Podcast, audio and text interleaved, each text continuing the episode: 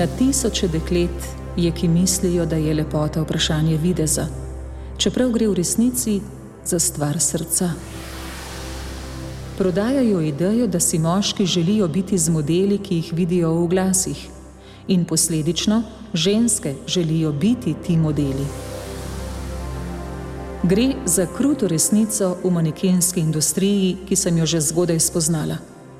Tvoje telo ti v resnici ne pripada več pripada naročniku.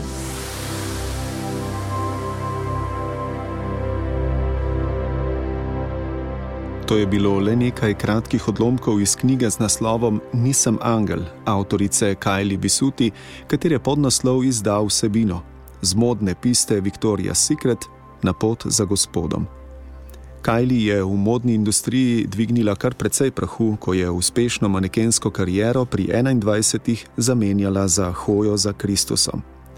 Knjiga je zgodba o njeni poti, nekaj odlomkov nam bo prebrala Nataša Ličen, išla pa je pri založbi družina. Prigoda z mlajšo sestrično je vse spremenila. Nekega dne sem se ličila pred ogledalom in ona me je opazovala. Takrat je bila stara približno 8 let. Obrnila sem se k njej in jo vprašala: Hej, kaj pa je? Pogledala me je in odvrnila: Nehala bom jesti, da bom lahko videti kot ti.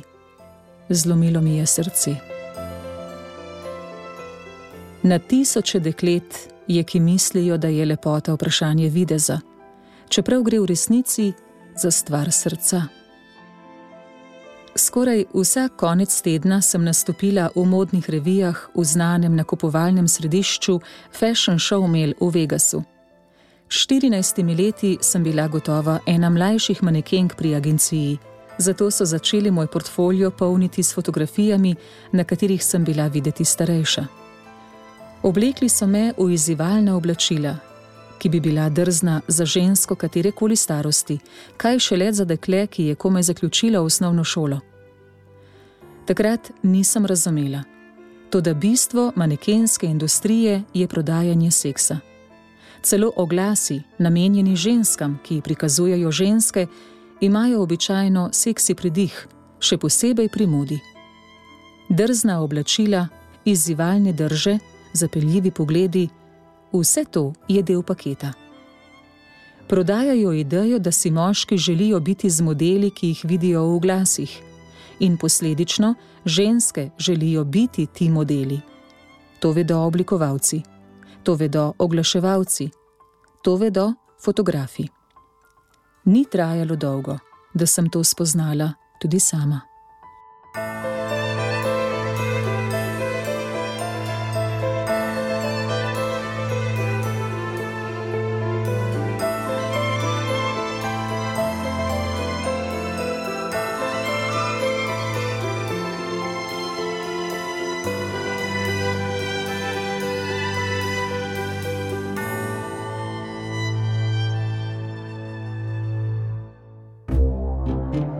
Sol in luč.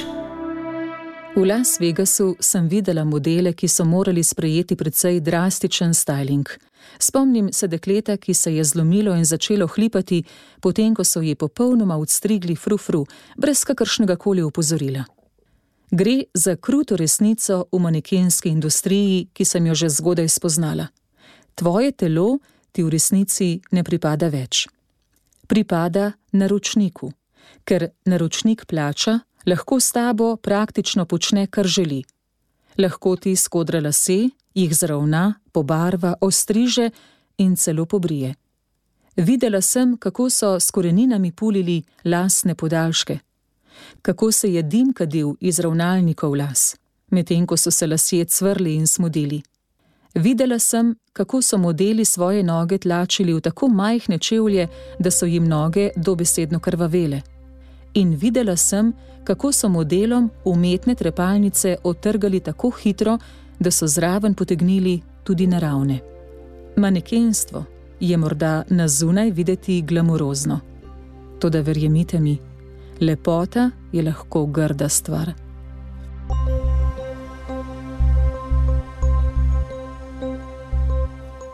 V manekenskem svetu je vse, kar meri več kot 75 cm, že oblina. In obline na modni pisti niso dobrodošle. Še posebej v visoki modi, kjer je ideal postava železniške tirnice. Sliši se grozljivo, to da nekatere manekenke gredo celo tako daleč, da si svoje kolčne kosti kirurško skrajšajo in tako dosežejo želeni cilj 75 cm druge si odstranijo spodnja rebra, da so videti izredno suhe. Ko sem začenjala, sem to dojemala kot del posla. Toda zdaj mi krvavi srce, ko pomislim na dekleta in mlade ženske, kako z operacijami pačijo svojo čudovito podobo, ki jo je ustvaril Bog.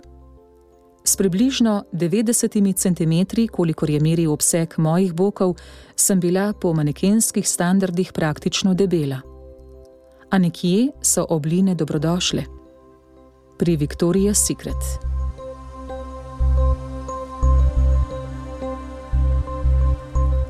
Bili so dnevi, ko sem stala zunaj, se tresla na mrazu skupaj s preostalimi sto in nekaj dekleti, samo da bi dobila eno minuto z oblikovalcem. Skome kaj mesa na mojih kosteh so bili nekateri dnevi resnično dolgi, mrzli in klavrni. Morda se zdi, da bi lahko čakanje v nedogled v vrstah z desetinami drugih deklet z enakim poklicem, ki so vsaj imela enake sanje, upe in strahove, ustvarilo občutek tovarištva. Toda v resnici je držalo ravno nasprotno. Redko katera je začela pogovor, pozdravila, se nasmehnila ali pogledala iznad svojega telefona za dolgo časa, da bi sploh vzpostavila očesni stik. Čeprav sem se držala zase kot vse druge, sem vsake toliko dvignila pogled in ujela šest ali sedem parov oči, ki so se hitro obrnili stran, potem ko so me premerili in preučili. Ali bi lahko pomenila grožnjo za nje? Negotovost je bila skoraj otipljiva. Na mojo grozo se je več oblikovalcem še vedno zdelo, da sem preobilna za njihove linije. Resno, Visoka sem bila 178 cm, tehtala 49 kg, nosila številko 30 in še vedno sem bila preobilna. Kljub temu sem na koncu nastopila v petih različnih modnih revijah.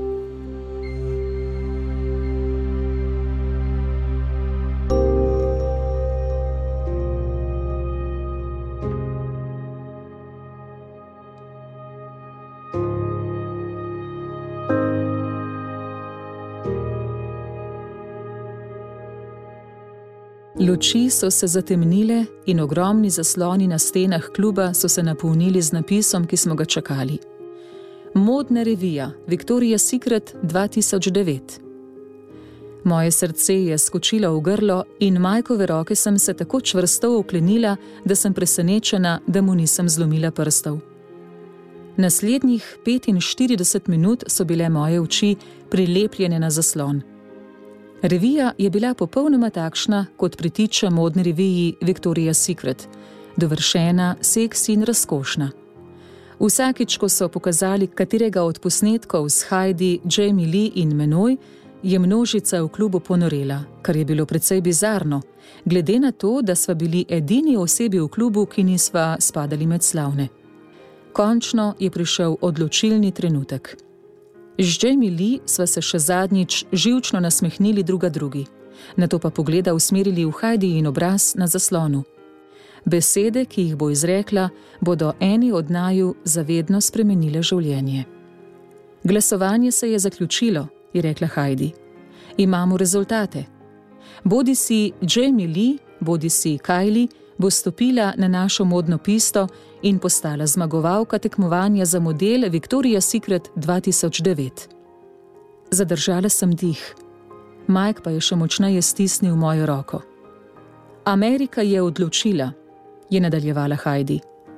Zmagovalka tekmovanja za Angela modne piste Victoria's Secret 2009 je Kylie. Kljub je izbruhnil v vzklikanju in prostor so razsvetlile bliskavice. Mike me je potegnil k sebi in močno objel. Uspelo ti je, ljubica, tako ponosen sem na te. Nisem mogla najti glasu, Oklepala sem se majka in se tresla od oznemirjanja.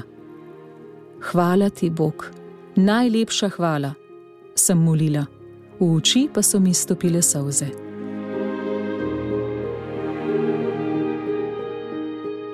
To je to, sem pomislila. Nič več stanovanj ščurki, nič več sostanovalk, ki kadijo travo, nič več poskusnih fotografiranj, nič več agentov, ki sitnarijo zaradi moje teže. Uradno sem prišla na vrh. Uspelo mi je. Zdaj bo vse drugače, sem si mislila. Na to pa je večer zavil v popolnoma drugo smer od pričakovane. Nenadoma so se luči zatemnile. Na odru so se pokazale nage plesalke in začele na odru početi neopisljive stvari. Še bolj presenetljivo je bilo, da se to nikomur, razen nama z majkom, ni zdelo niti približno neprimerno. Borila sem se s solzami, iz svojih misli skušala pregnati podobo majkovega obraza in se trudila narediti, kar je zahteval fotograf. Vendar nisem mogla nenadoma to ni bilo le še eno fotografiranje. Čutila sem, da ni prav. Nisem se več počutila seksi in lepe. Počutila sem se samo umazano, osramočeno in v zadregi. Fotografu je prikipelo. Odložil je fotoaparat in strmel vame. Na to me je pred vso ekipo, zadolženo za luči in ličanje, nadrl: Kaj je narobe s tabo? Uničila boš fotografiranje. Manekenka za Viktorija Secret si za božjo voljo, to je tvoje delo. Si ne želiš biti kot ostale vrhunske manekenke, zato si plačana. Takrat sem končno dojela. Plačevali so me, da dražim, zapeljujem in trpinčim moške. Kar pa ni bilo samo moje delo. Od mene kot Angela Viktorija Secret se je pričakovalo, da to postane moja identiteta. Obenem je zaznamovalo način, kako so me dojemali vsi v manekenski industriji in na svetu.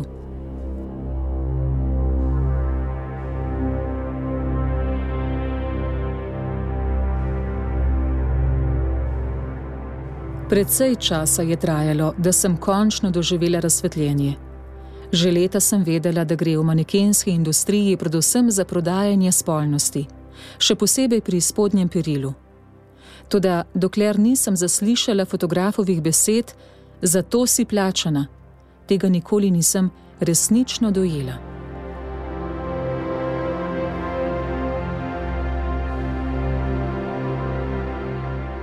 Naslednjih nekaj tednov sem se posvetila svetemu pismu in goreče molila. Vedela sem, da me Bog brezpogojno ljubi in da mi je odpustil v trenutku, ko sem se iskreno pokisala za svoje grehe. Tudi ne glede na vse, nisem mogla razumeti, zakaj mi je dovolil, da zmagam na tekmovanju Viktorija Secret, če ni bilo prav nič, kar je iz tega sledilo.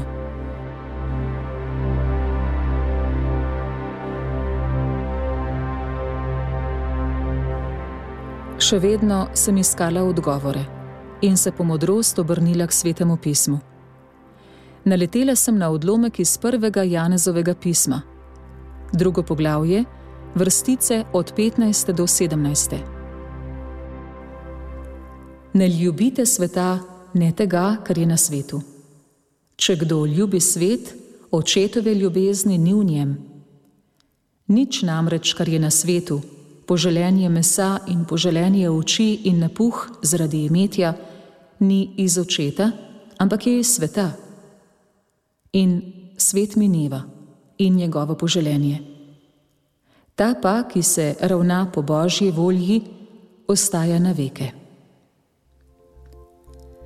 Ni bilo dvoma.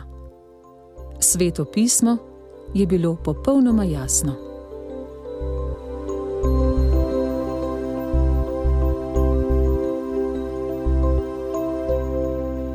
Na radiju Ognišče ste v oddaji Sov in Luč poslušali nekaj odlomkov iz knjige z naslovom Nisem angel, avtorice Kajli Pisuti, ki je išla pri založbi Družina. Brala je Nataša Ličen, oddajo pa sem pripravil Tadej Sadar.